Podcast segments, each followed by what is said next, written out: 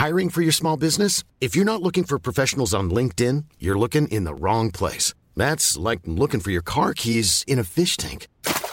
LinkedIn helps you hire professionals you can't find anywhere else, even those who aren't actively searching for a new job but might be open to the perfect role. In a given month, over 70% of LinkedIn users don't even visit other leading job sites. So start looking in the right place. With LinkedIn, you can hire professionals like a professional. Post your free job on linkedin.com slash people today. Hey, it's Ryan Reynolds, and I'm here with Keith, co-star of my upcoming film, If, only in theaters May 17th. Do you want to tell people the big news? All right, I'll do it. Sign up now and you'll get unlimited for $15 a month in six months of Paramount Plus Essential Plan on us. Mintmobile.com slash switch. Upfront payment of $45 equivalent to $15 per month. Unlimited over 40 gigabytes per month. Face lower speeds. Videos at 480p. Active Mint customers by 531.24 get six months of Paramount Plus Essential Plan. Auto renews after six months. Offer ends May 31st, 2024. Separate Paramount Plus registration required. Terms and conditions apply if rated PG. Many of us have those stubborn pounds that seem impossible to lose, no matter how good we eat or how hard we work out. My solution is PlushCare.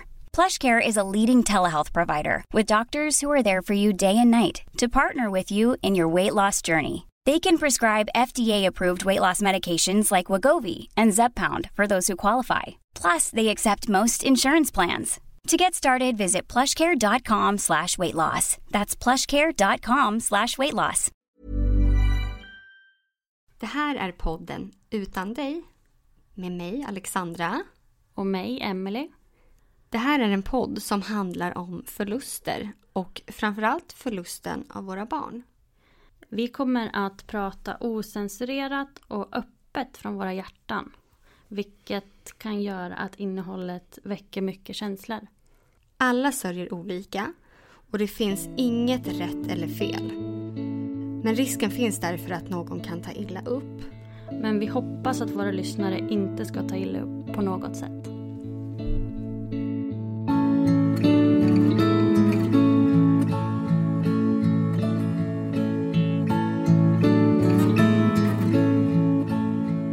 I dagens poddavsnitt har vi med oss mormor Helen och eh, moster Sara som befinner sig i Piteå. Så vi kör det här poddavsnittet via Skype och därför kommer det vara lite sämre ljudkvalitet. Vad roligt att ni vill vara med i ett poddavsnitt. Tack, vad roligt att få vara med. Vi har ju kommit i kontakt med er för att ni har ett barn i er familj som har gått bort. Som Mm. heter eh, Lennox. Stämmer. Eh, och vi tänkte egentligen låta er få börja berätta lite om när han föddes och vad som hände. Ja, det var under kvällen, kvällen före Lucia 2017 eh, som Sofie då, Lennox mamma, hon bodde hos oss och eh, hon började få lite känningar i magen. Började, kände att det, det var mer oroligt än det brukar vara. Och framåt natten började det bli ännu värre.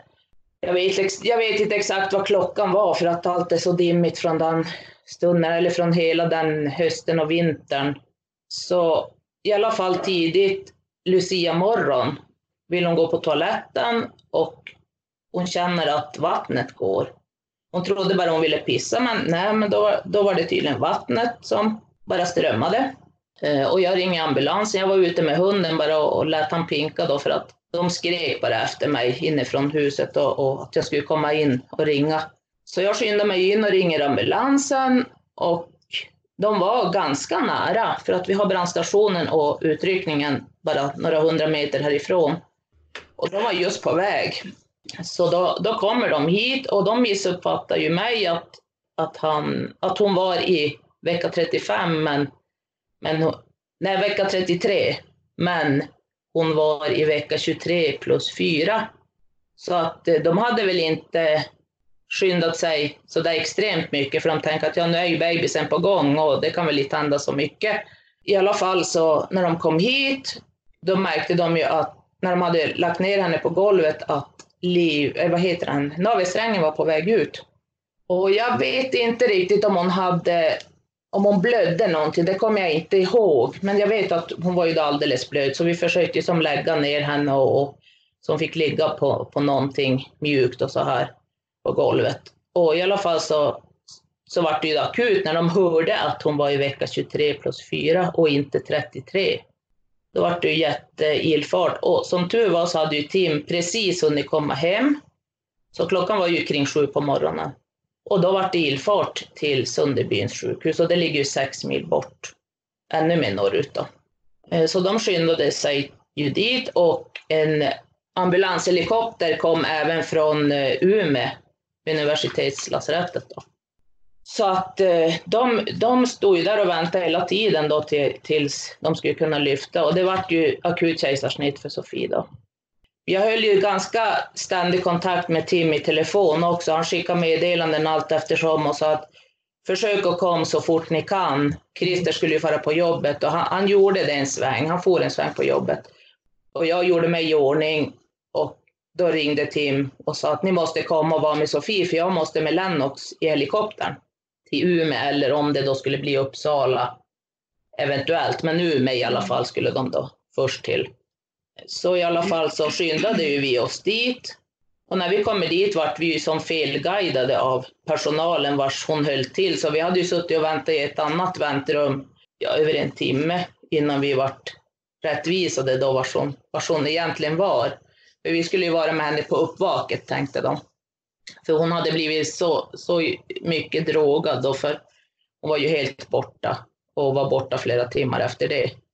När vi då kommer dit och får träffa Tim och får träffa läkarna och det, då säger de ju att de, de har inte kunnat lyfta och klockan vart ju bara mer och mer och det gick inte att lyfta, det gick inte att flytta han från kuvösen till transportkuvösen heller. För att eh, blodcirkulationen stannade av hela tiden när de skulle försöka flytta slangarna och det. För då hade navelsträngen varit lindat väldigt hårt runt halsen under den här tiden de, innan de hade kunnat förlösa honom. Så han hade ju ingen ordentlig blodcirkulation. Och det, han skulle väl egentligen inte kunna klara sig utan maskiner om han skulle ha överlevt.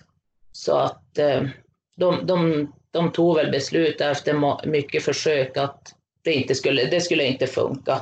Alltså han, han skulle inte klara sig utanför en maskin i alla fall. Men några andra synliga fel eller prover de tog och allting, ingenting visade på någonting, någonting galet med honom, förutom då det här med navelsträngen. Eh, och vad vi då förstått i efterhand och kunnat läsa oss till från eh, det läkarna har sagt är att eh, hon hade en lite, vad ska jag säga, muskulaturen i livmoderhalsen var väl lite, lite mjukare. Så att den, den vidgar sig väl mer än vad den ska göra egentligen. Så att den är väl inte förslappad utan den är, den är väl uttänd tror jag. Så att vid en eventuell kommande graviditet så går de in och sätter ett cerklage. Det är som en ring som, som håller igen som man sätter in i 14, 16 veckan och så får de ha den fram till vecka 37 eller något sånt där. Om det nu inte är något hotande missfall på gång eller något sånt. Så det ska då i alla fall hjälpa, att, hjälpa den här livmoderhalsen att hålla sluten. Då. Men det man se innan att man hade liksom? Mm, det, det dumma med det, nu när jag läste i efterhand vad läkaren hade sagt, var att kontrollerna av livmoderhalsen har de slutat göra. Det gjordes tydligen förut. Och det där tycker jag är lite konstigt när det finns sådana fall där livmoderhalsen kan vara lite mjukare då och ha lite lättare för att öppna sig. Så det är väl det jag tycker är lite nonchalant kanske att släppa på sådana rutiner. Eftersom vi vet hur många som får missfall i Sverige idag och hur många som, som inte klarar en hel graviditet. Och vad det då beror på, om det är kostnadsfråga eller vad det är, det vet jag inte. Och när vaknade mamma Sofie upp då från nedsövning på sjukhuset? Ja, när hon kom in på rummet, alltså när vi, när vi fick träffa henne, då var hon ju väldigt trött och väldigt snurrig. Hon hade ju så mått illa utav all morfin och det hon hade fått. Hon hade fått ganska många enheter tydligen. Så hon var ju väldigt snurrig, så hon kommer ju inte ihåg så mycket från det. Och vi fick ju gå in på rum och det och hon, hon fördes med, med sängen fram och tillbaka mellan olika rum där. Så att men då till slut kom ju då läkaren då, då ville de, ville de att vi alla då skulle samlas. Så det var ju Tims föräldrar och syskon och ja, någon av hans syskon. Så ringde vi efter dig, Sara. Men då kunde inte du komma då. Jag vet inte hur det var var. ju på jobbet. Jo, hon var på jobbet då. Eh, och kunde väl inte komma lös då. Så att eh, Sara hann ju inte få komma i den stunden då medans vi, vi var ju ändå inne en sväng och, och tittade och klappade på honom när han låg inne i, i kuvösen då. Och den stunden, han levde ju ändå åtta timmar. Och det som känns skönt är väl att, och, och för Sofie och Tim skulle också veta att han, han log i alla fall mot både sköterskorna och, och läkarna när, när, han, när de plockade ut han. Så att han, han, var ju, han var ju ändå vid liv då. Men då stannade ju blodcirkulationen på honom. Så att, tyvärr. Kommer du ihåg om Sofie, liksom, när hon kom från uppvaket, om hon frågade då hur det var med han och hur hon... Jo, det gjorde hon. Jo, hon var ju vä- väldigt... eh, Hon ville ju se han såklart. De försökte ju få in... Ja, ja, om jag inte minns fel så fick hon... Körde de in sängen på det lilla rummet där han låg med alla apparater och det. Så hon i alla fall fick eh, ja, men stryka på honom och så. Så att han var ju väldigt fin och det var in, inga som helst ytliga tecken och läkarna sa att det var ingenting förutom då blodcirkulationen som visade att, att det var någonting som var fel. Men det var ju på grund av navelsträngen då. Så. Så hon förstod när hon vaknade direkt att det, var, att det kunde vara så att det inte var bra liksom. Ja, hon, hon fick ju veta att de inte hade lyft, att det inte hade gått att lyfta med helikoptern i alla fall. Att han inte klarade av att, att flytta till den andra kuvösen. Så att hon förstod ju att det var väldigt illa däran. Så att, eh, men då när läkarna kom och ville samla oss alla på samma rum och att både kuratorn skulle komma och ambulanspersonalen kom och alla de som hade varit med under förlossningen. När alla kom som i en klunga. Inte ens då tänkte jag på att nu, nu är det kört, utan det var mer att ja, nu får vi veta hur vi ska förhålla oss till det här. För alla, de hade ju inte presenterat sig, så vi visste ju egentligen inte vem allihopa var. Men då berättade de att eh, det kommer inte att bli ett liv, ett drägligt liv för han. Så han kommer inte att klara sig utanför en maskin. Så att, och även då var jag i en väldig jag tror chocken började komma då, för jag började känna att jag fick så jäkla ont i magen. Och, och jag sa det även till Tims mamma att jag, jag hade som först svårt för att ta in det. Det var väl ingen egentligen som ville förstå det då heller. Men jag sa att när magen börjar, när det blir en klump i magen, då förstår man ju att nu är det någonting som inte stämmer. Och när jag då fick se Sofie reagera som hon gjorde, då, då, då var det ju kört. Och Tim för den delen. Men han, är ju lite mer inneslutande och sådär. Sofie visar det ju lite mer öppet då än, han.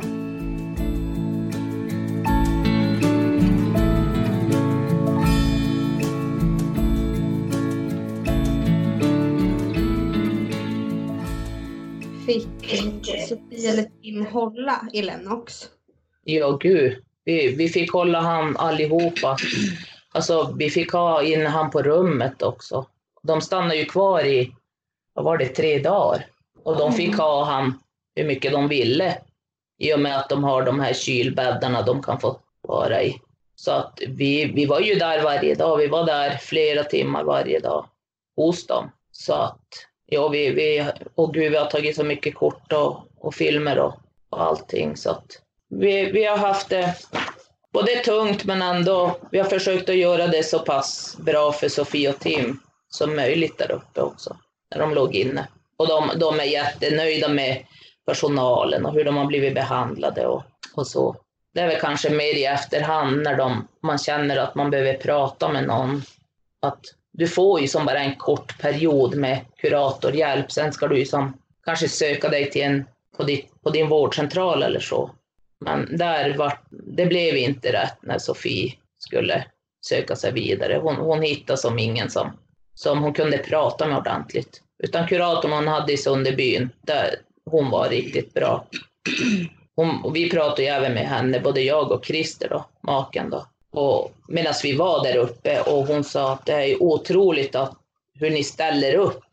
Hon sa det är inte många föräldrar och syskon som ställer upp och är så här mycket som, som ni har varit. Vara så stöttande. Och det var då jag började tänka på det där med det jag berättade om eh, men att eh, anhöriga kan svika. Hon sa att det är de tydligen väldigt medvetna om att, att de gör. Så det, det, det känns hemskt, för att det är ju de stunderna de behövs som mest. Föräldrar och syskon ska inte svika. Alltså jag förstår, kan ju kanske förstå om det är jobbigt för, för annan släkt att tränga sig på i början, men familjen ska ju hålla ihop ännu mer tycker jag då och finnas till. Ja, för vi pratade lite innan vi startade inspelningen om det, att det är så viktigt att nära och anhöriga finns liksom. Mm. Och att i vissa fall är det ju inte lika självklart. Nej, och för oss är det en självklarhet, givetvis. Och så vi har ju, som jag brukar säga till flickorna, att vi, vi har ju skaffat våra barn av en anledning. Alltså vi vill ju ha, vi vill ju ha våra barn och då, då spelar det ingen roll hur gamla de blir, vi kommer ju alltid att ställa upp vad än de gör. Alltså, fast än de tar dåliga beslut eller vad, vad än de gör så kommer vi alltid att finnas. Vi kanske inte respekterar allt, men vi kommer alltid finnas. Eh, men eh, tyvärr så finns det många som sviker. Har det varit liksom självklart er hur ni har kunnat ställa upp och finnas för Sofie och Tim? Eller har ni kunnat prata om det och liksom fått bekräftat ifrån dem vad, vad de behöver och vill ha? Mm, jag tror det har visat sig ganska självklart, men vi har ju frågat väldigt mycket. Och så har vi, eftersom, jag menar hon bodde här också under den tiden, eller ganska länge efter bodde ju Sofia här också, så pratade vi ju ibland hela nätter. Du var väl också här någon gång och, och pratade? Mm. Och, och då, jag vet inte, vi har ju alltid funnits för dem i alla väder. Alltså jag vet inte, men det har nog varit självklart. Så att, och vad än de har frågat om så har vi ju som försökt att hjälpa och stötta. Och, så att vi har, vi har hjälpt till om, ja, men, som med mat och, och fixat och donat och hämtat och lämnat och ja, men, gjort sånt där som de, de kanske inte alltid vill be om utan man, man gör det i alla fall. Sånt som kanske är svårt att be om kan jag väl säga, för det, det vet jag många har svårt att be om hjälp. Nej, vi har då försökt i alla fall. Och jag tror nog hon är rätt glad över det. Hon har, hon har aldrig sagt någonting heller om att vi gjorde, det där borde vi inte ha gjort eller vi kunde ha gjort det istället eller vi kunde ha gjort mer eller så.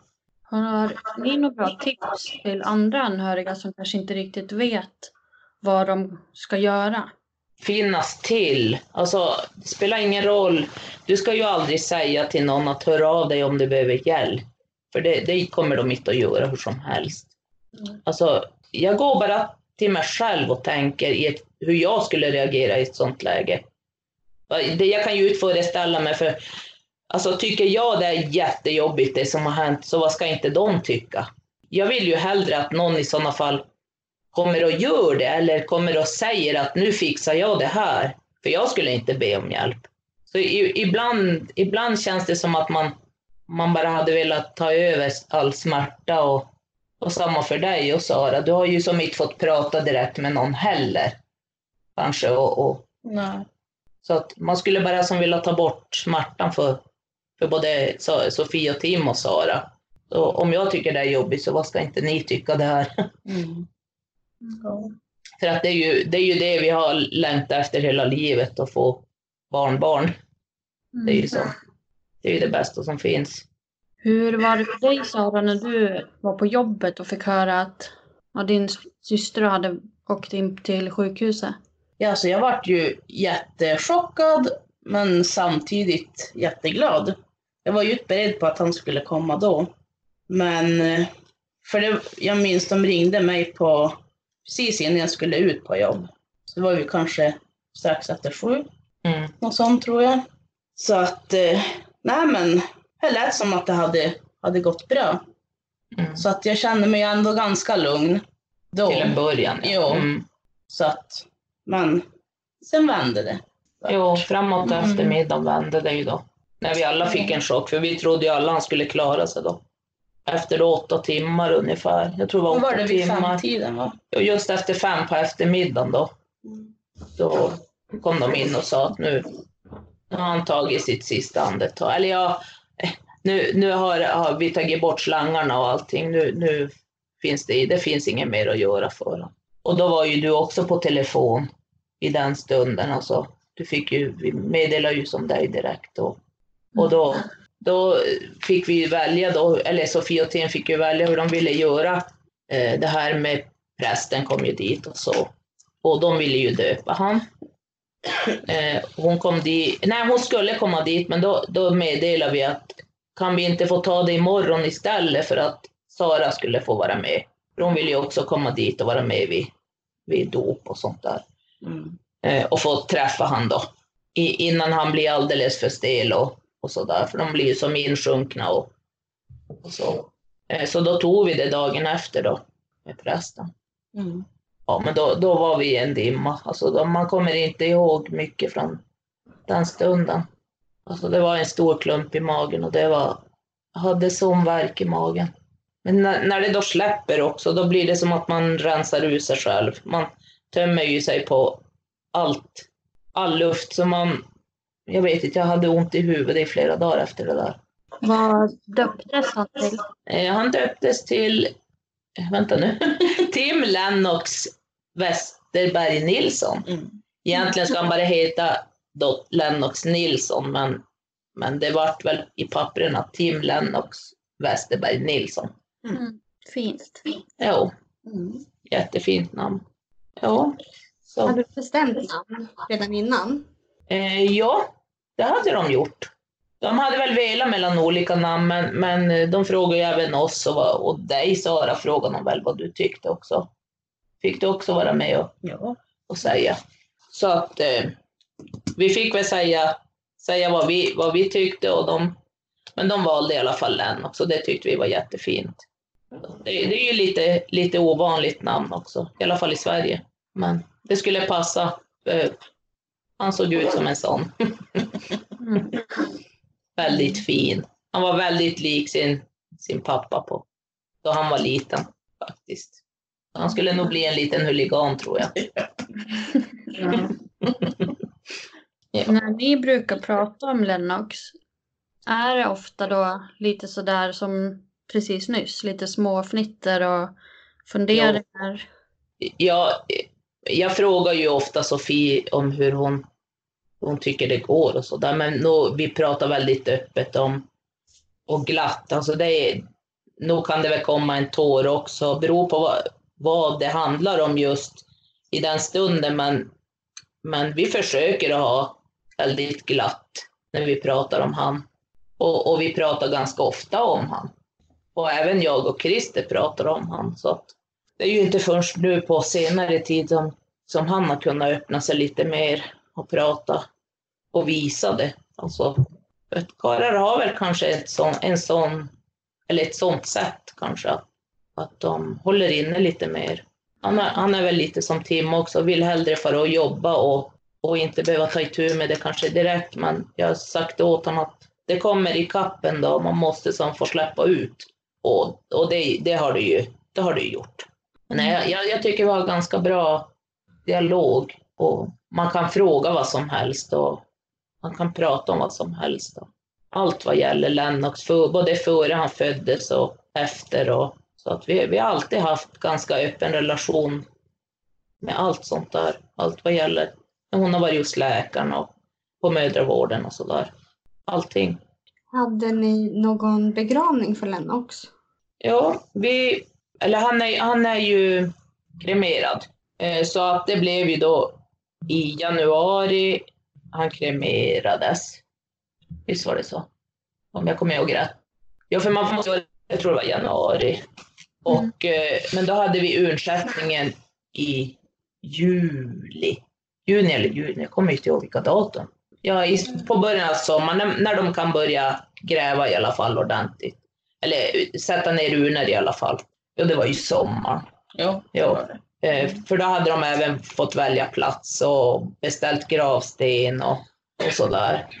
Vi, vi hade en liten stund först då med, du var väl med när vi var och tittade på urnan i, på kapellet va? Var du med där? Eller var det bara jag, Sofie och Tim och mormor? Ja, Ja. jag minns knappt. Nej men då hade de i alla fall gjort i ordning så fint där i gravkapellet när de hade fått dit urnan. Då fick vi komma dit och, och ja men, bara ha en liten stund där. De hade satt i ljus och vi fick vara där hur länge vi ville.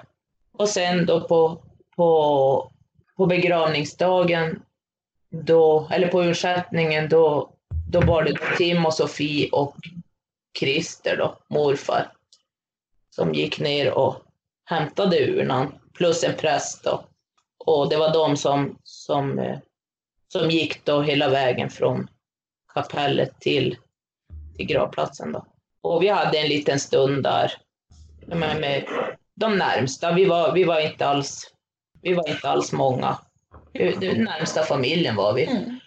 Så hade vi fika och, men vi hade ju förresten, vi hade ju i kyrkan också, det hade jag ju glömt. Ja, det hade vi. Vi hade ju kyrka, men då var vi också bara de närmsta. Och det var jättefint. Det var en jättefin stund i kyrkan, bara, bara våra två familjer då. Tims familj och våran familj. För att de, de ville som ha det litet bara. Och så den där lilla, kyr, eh, lilla kistan som stod där framme då med alla blommor och, och så. Ja, det var hemskt att se. De ska inte, de ska inte stå, eller de ska inte finnas de där små kistorna. Nej. Det är så eländigt. Brukar ni vara vid Lennox grav ofta? Ja, väldigt ofta. Och vi, vi är där och planterar och vi är där och tänder ljus och vi är där och sätter ballonger och eh, sådana här, vad heter det? De här pärlorna, vad heter de? Vind, vind, Vindsnurror. vindsnurror brukar vi sätta och vi har ju, vi har ju kalas då förrän Anna fyllt år och ja men vi far ut högtidsdagar och vi far, far dit, jag kan fara dit bara efter jobbet och tända ett ljus. För jag är ju ganska nära till jobbet från gravplatsen då. Så vi far ut lite då och då. Och sätter en blomma eller bara far ut en stund för att ja, prata med honom lite grann.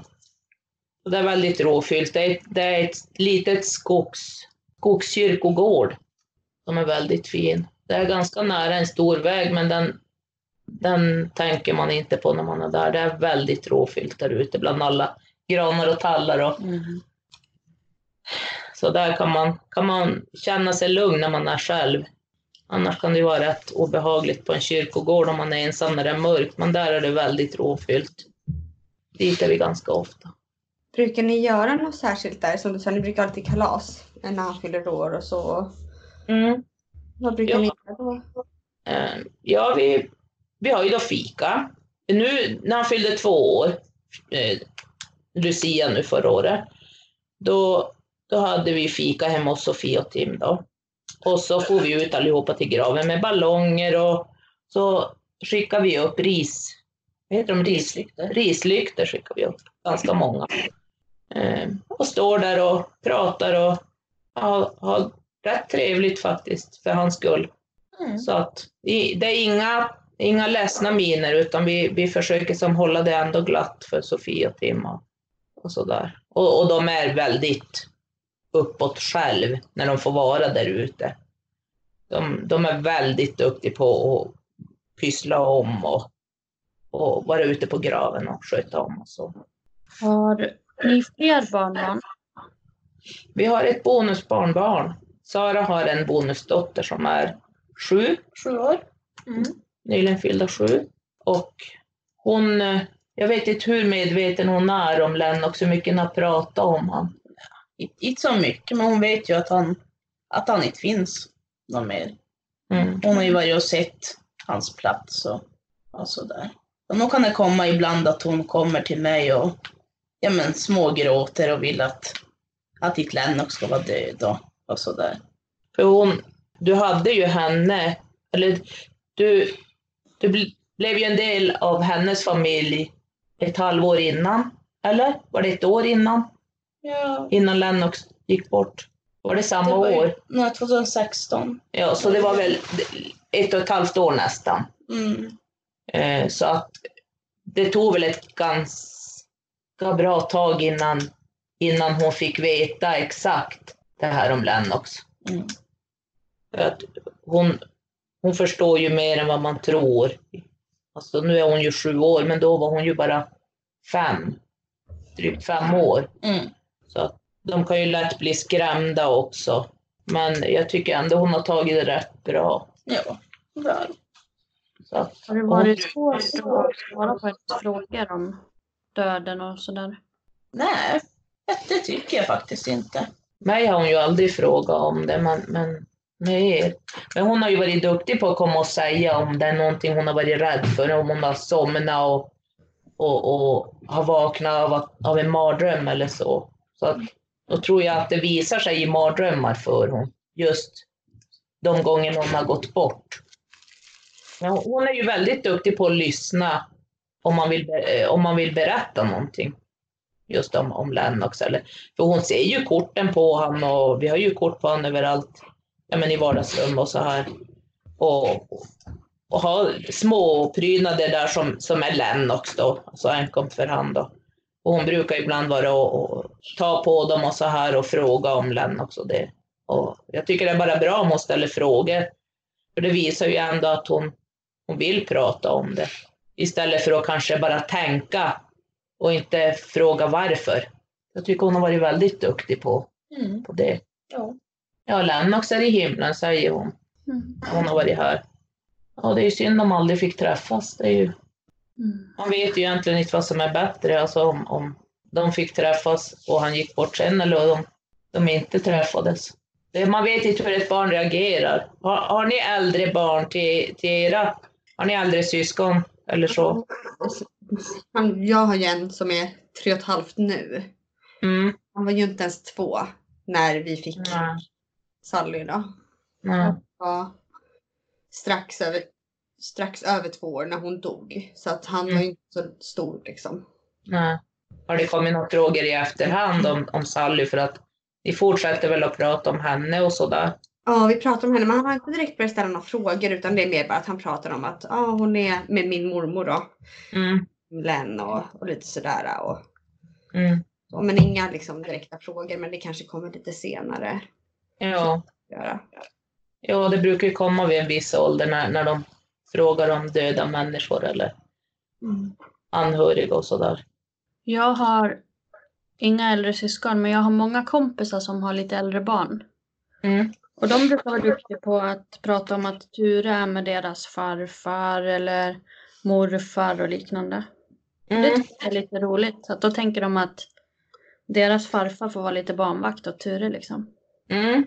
Det känns ju tryggt också. Ja, exakt. Ja, ja. Mm. Det, det har vi ju som alltid sagt också, för att min pappa är ju, han gick ju bort för 22 år sedan nu. Och han var ju världens bästa lekfarbror. Alltså, han var ju riktig, han, ungarna älskar ju han. Och, och Sara och Sofie var ju, hon är 8 och 10. Åtta, du var 10 år och Sofie var 8 år när pappa gick bort. Mm. Och det var dagen före Sofie skulle fylla år. Så att ni har ju som, ni har ju så nära relation till han. Så att vi har det ju som tröst också att han, han sköter om Len också. Och så där. Och, och så alla våra hundar som vi har haft som har gått bort nu sen, ja men både just innan Len också och, och så där. Eh, vi tappade ju tre hundar på ett och ett halvt år. Så att, eh, det, så att hela 2016 och 2017 har varit väldigt turbulent för oss. Eh, Så att vi, vi, för, vi tröstar oss lite med att han, han har det bra med, med de som har lämnat före, från vår familj. Då. Han har ju världens bästa gammelmorfar. Så. Mm. Mm. Hur tycker ni att det är om andra pratar om sina barnbarn eller systerbarn liksom?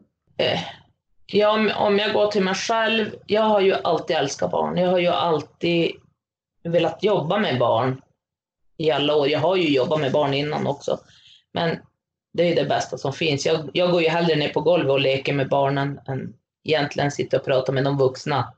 Eh, jag är ju lite så. Så att till en början tycker jag det kändes, det kändes ju tungt på något sätt. Men givetvis är man ju glad för deras skull. Men jag vet inte, jag, jag, jag, jag, jag var inte på samma sätt. Jag känner själv att jag var inte mitt riktiga jag när jag var i, omkring dem. Och, så, och de barnen eller sådär. Jag visar inte lika mycket närhet till de barnen som jag vanligtvis brukade göra. Och inte för att jag, jag på något sätt tyckte dåligt om någon, eller för att jag missunnade någon, eller för att jag var avundsjuk på någon, eller så. Varför var det just vi som drabbades?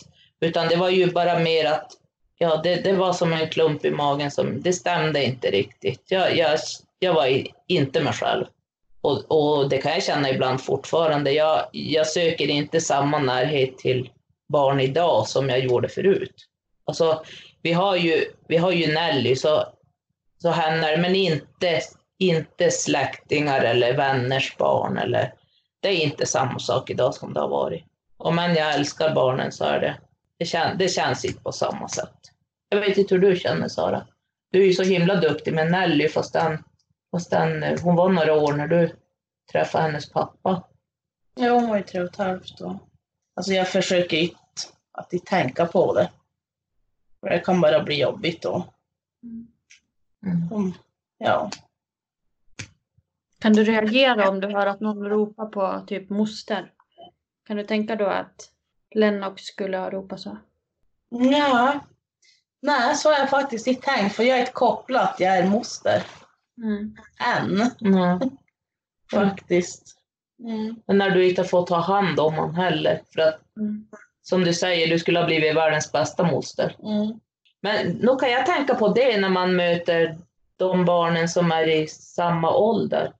Jag kan tänka, att- men det gör vi ju, det, vi pratar ju ofta om det, jag och Christer också. Ja, vad tror du Lennox hade gjort?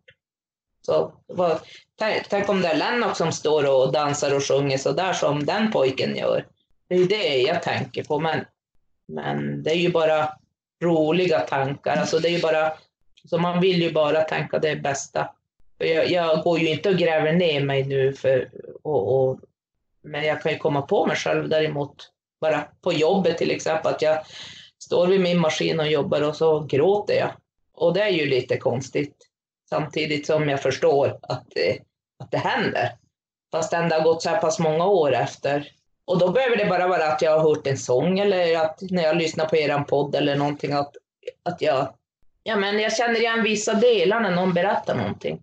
Det är väldigt ytligt, alltså det är väldigt, känslorna är väldigt ytliga fortfarande. Att, att jag har lätt för att, för att gråta fortfarande och lätt för att jag, jag går inte alltid ifrån, men jag står, står ju inte och storbölar om det är folk omkring.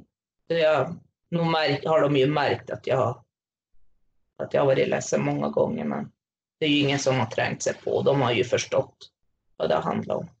Har det varit svårt fråga, men det förstår jag såklart att det är. Men jag tänker just att som mormor eller moster då, att man liksom bär både sorgen för sitt barn eller för sin syster och även för sin förlust. Mm. Har det varit svårt att handskas med det? Ja, som jag sa så vill man ju ta bort smärtan från dem. Alltså det är ju det som är, som jag känner i alla fall. De, alla säger ju att man bär en dubbelsorg oftast. En mor och farförälder. Eh, att man, man, bär, man bär en dubbelsorg. Och det är väl det där att man, man får som hålla, hålla sig stark medan ens barn går igenom den värsta tiden i alla fall. Att du ska ju vara den stöttande och sen får man släppa själv på sina känslor. Men jag känner ändå att eftersom Sofia har bott här hos oss i och med allt det som har hänt och det så har jag kunnat prata med hon så mycket så att jag tror vi har fått ventilera ganska mycket. Både, var, både min sorg och Christers sorg och ja, men Saras och, och så jag tror att vi har fått sörja samtidigt.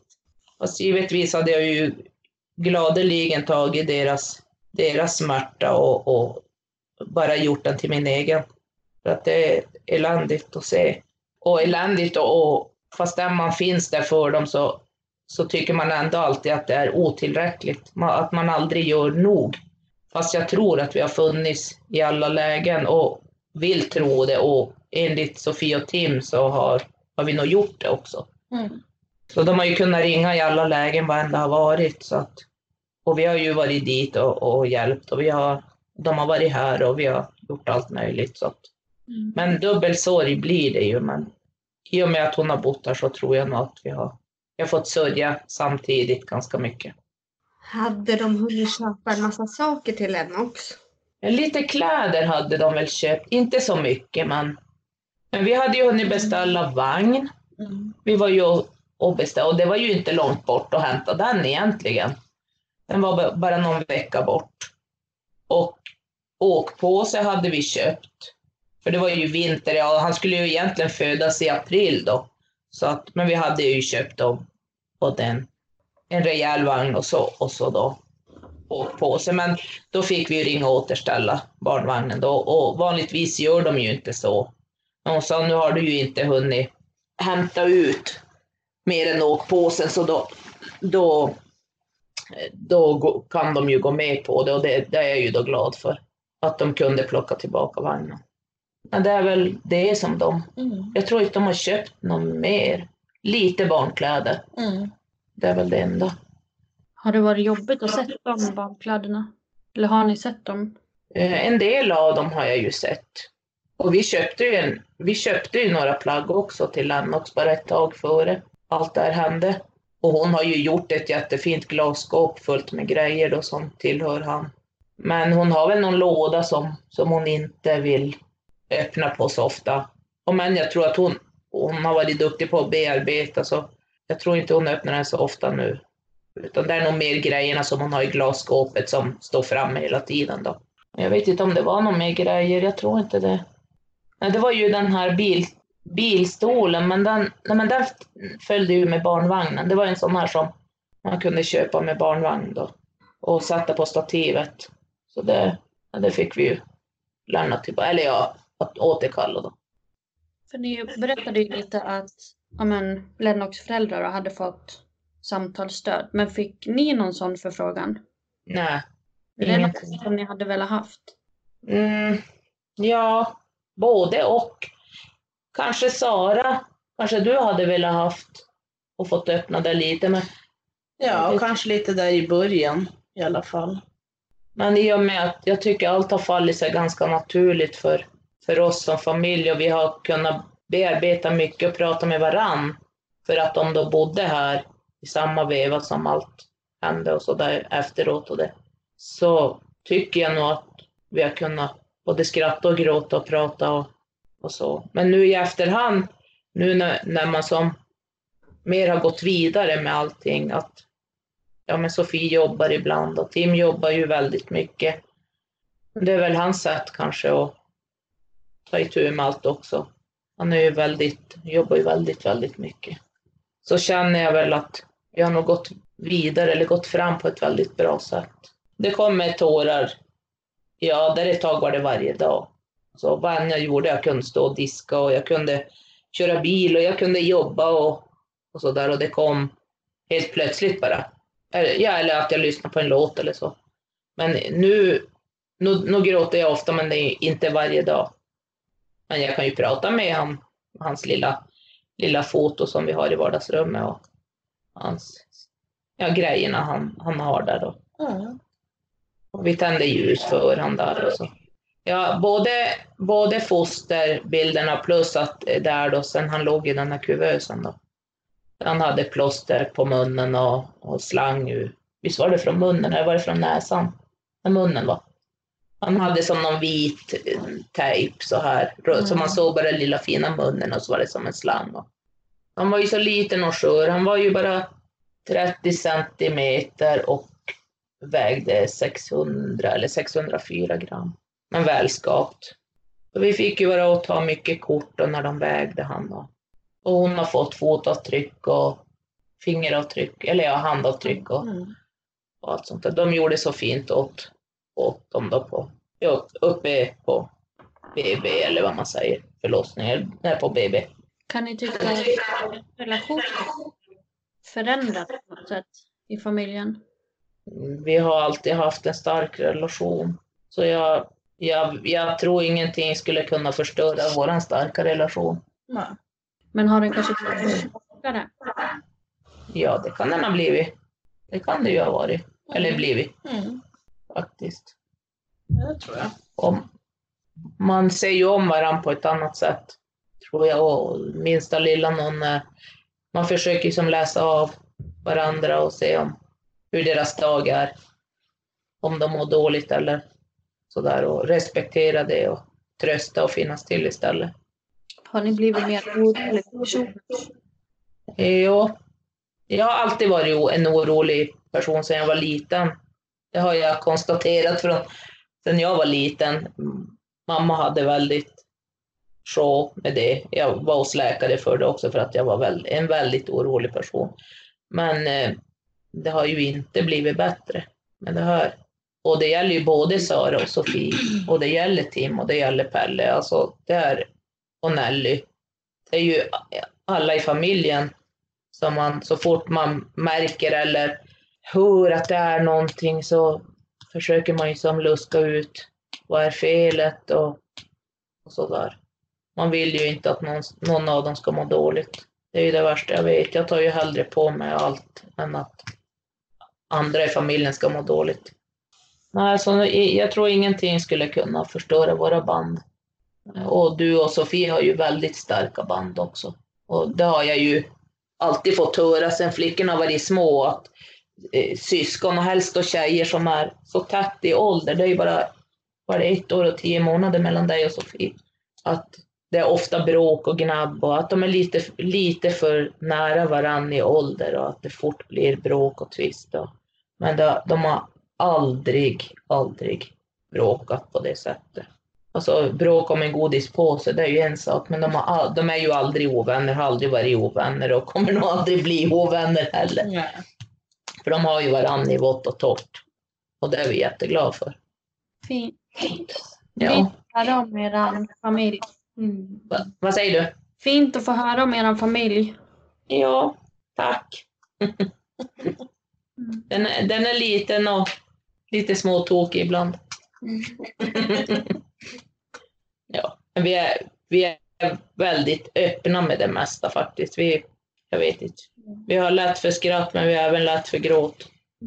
Eh, Christer är nog också rätt känslig av sig, så att det är nog bra att vi kan läsa av varandra och, och, och stötta varandra. Om, om, du får fråga om du har barnbarn, mm. vad svarar du då? Ja, det har jag. Jag svarar både att vi har ett änglabarnbarn och ett bonusbarnbarn. Det tycker jag är en självklarhet. Brukar du få några följdfrågor? Det har väl hänt, men jag eh, tycker inte att det har varit något speciellt stort intresse kanske, eller vad, vad ska jag kalla det? De har kunnat ställa en fråga, vad, vad har hänt? Men sen när det är som bra, då är det som att, jaha, då går vi vidare. Det är väl det man har känt. Och jag pratar ju jättegärna om honom och jag skulle ju gärna visa hur mycket bilder som helst. Men, men av respekt för Sofie och Tim så hon vill ju inte lägga ut bilder på honom. Utan hon, hon är ju glad, eller de är ju glada att vi pratar om honom. Mm. Som vi då gör. Jag säger ju alltid, jag, jag har fått eh, däremot någon kom kommentar någon gång att eh, ja, men när ni någon gång får barnbarn, ja, men så här, jag har ju barnbarn. Oj, ja just det. Så att det är klart att folk glömmer av fastän de vet. Mm. Eh, men då är jag ganska snabb på att säga, men jag har redan barnbarn. Jag har ju barnbarn fast, fast den inte finns hos oss. Och så har vi ju Nelly då. Mm. Så att, eh, jag kontrar ganska fort med sådana svar. Mm. Blir du ledsen när du får sådana frågor?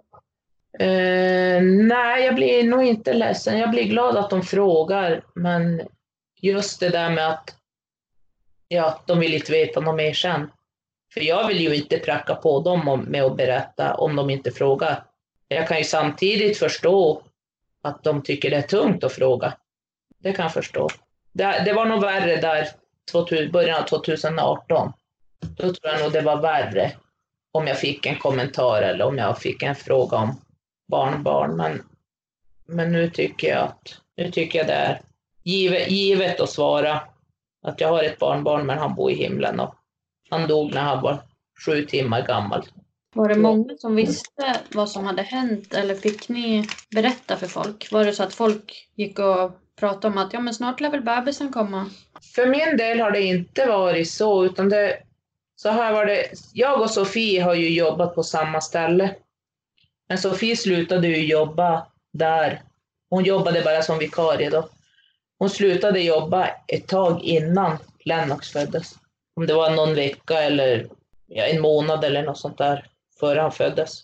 Så vi har ju haft samma chef och samma arbetskollegor och sådär. Så att de fick ju veta det väldigt fort och blev införstådda i vad som hade hänt och så. Så att jag har egentligen aldrig behövt förklara mig. Så fort jag blev, jag blev ju sjukskriven direkt det här hände, så jag var ju hemma heltid två veckor i alla fall. Jag tror bara det var två veckor jag var hemma. Jo, för jag behövde ingen läkarintyg, så det är nog två veckor då. Så jag var hemma med Sofie två veckor då och under den tiden hade jag ju mycket samtal med chefen och, och sådär, arbetskollegor och så. De fick ju veta ganska fort. Och hon fick ju, chefen fick ju berätta eh, för att jag kände som att det är kanske lättare att de vet, har hört det från henne eller från mig då, det jag berättar för henne då. Istället för att kanske komma och ställa en massa frågor i början. Jag, jag vet inte hur jag skulle reagera då. Jag hade ju väldigt svårt för att vistas bland folk ett tag där i början. Fastän jag visste att jag måste ju ut och jobba, jag måste ju vara bland folk. Men jag fick ju gå ifrån väldigt ofta. Ja, men ta mig en stund på toaletten eller i omklädningsrummet bara för att, för att få vara i fred och gråta en stund. Eller. Och de visste ju vad, vad, vad det var. Alltså de visste ju varför så att jag tyckte, tyckte att de hade förståelse för det. Och samma om man fick främmande hemma, och man gick ifrån en stund, då var det var ganska självklart. Så jag har aldrig behövt förklara mig eller sådär för andra varför jag varit ledsen eller jag har nog kunnat visa det ganska bra ändå. Alltså visa det lite öppet att nu orkar jag inte, nu måste jag gå ifrån ett tag. Har det varit jobbigt för dig Sara att umgåtts med andra folk? Nej, det tycker jag faktiskt inte att det har varit. Det var kanske jobbigt i början, det var det. Men ja, det är ju som att jag inte har förstått det än riktigt, vad som har hänt. Men ibland då, då kommer det över mig, vad som har hänt. Då. När man minst anar det. Ja. För det var ju, var ju så verkligt då, när hon var gravid. Alltså det var ju det bästa som hade hänt oss. Mm. Att vi skulle få, att du skulle bli moster. Och, Ja. och sen då få den där chocken. Alltså den, den eh, satt i oerhört länge. Och den, var, den chocken var väldigt tung. Vi har ju som gått vidare. Och vi hoppas ju en dag att, att eh, både Sara och Sofie ska få ett eget barn. Om de vill igen. Alltså, men det är ju ingenting som ska stressas fram för det. Man, man, vill ju, man vill ju som, för ni är ju barnkära båda två också. Du har ju egentligen velat haft egna barn sedan du var 20 sa du en gång. Ja. Och då sa du, du sa, vid det här laget hade jag nog haft fyra, fem barn. Mm. Om du hade fått bestämma. Kommer du ihåg det? Ja. Och då var du kanske 27, Ja. 26, 27 när du sa det.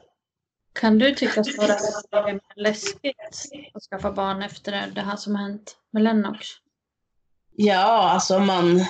Jag tror inte man, jag kommer kunna känna mig lugn den dagen om jag då blir gravid.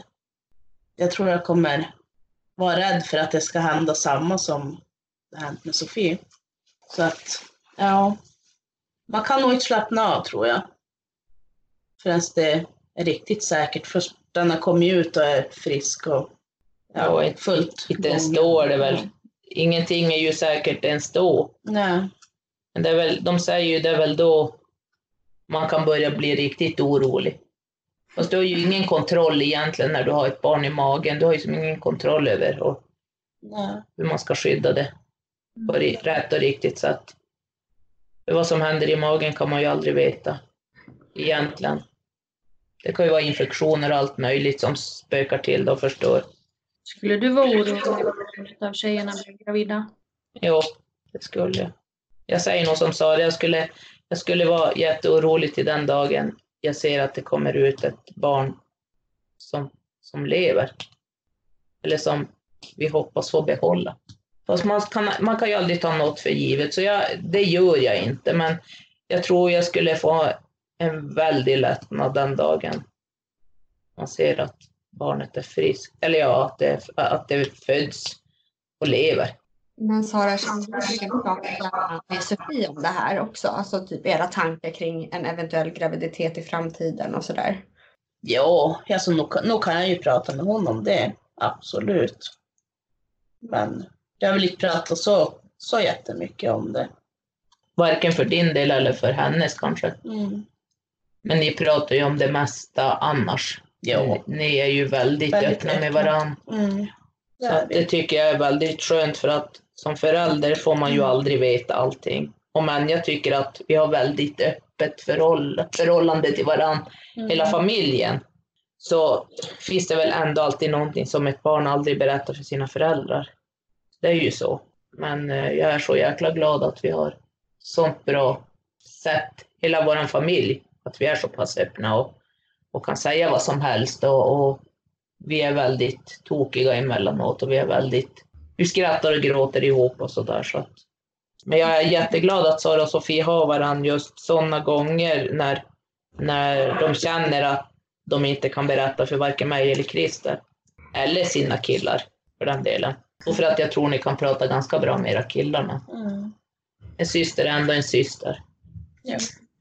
Det har varit jättefint att få höra om Lennox och er familj. Tack. Och jag ser mig framför hur han nu busar med gammelmorfar där uppe. Mm. ja, det gör han säkert. Det är våran tröst. Mm. Han hade nog blivit en riktig busunge med busmorfar. Ja. Ja. Det Tack var så- jättekul att få vara med. Tack så mycket. Ja, men tack själva. Tack.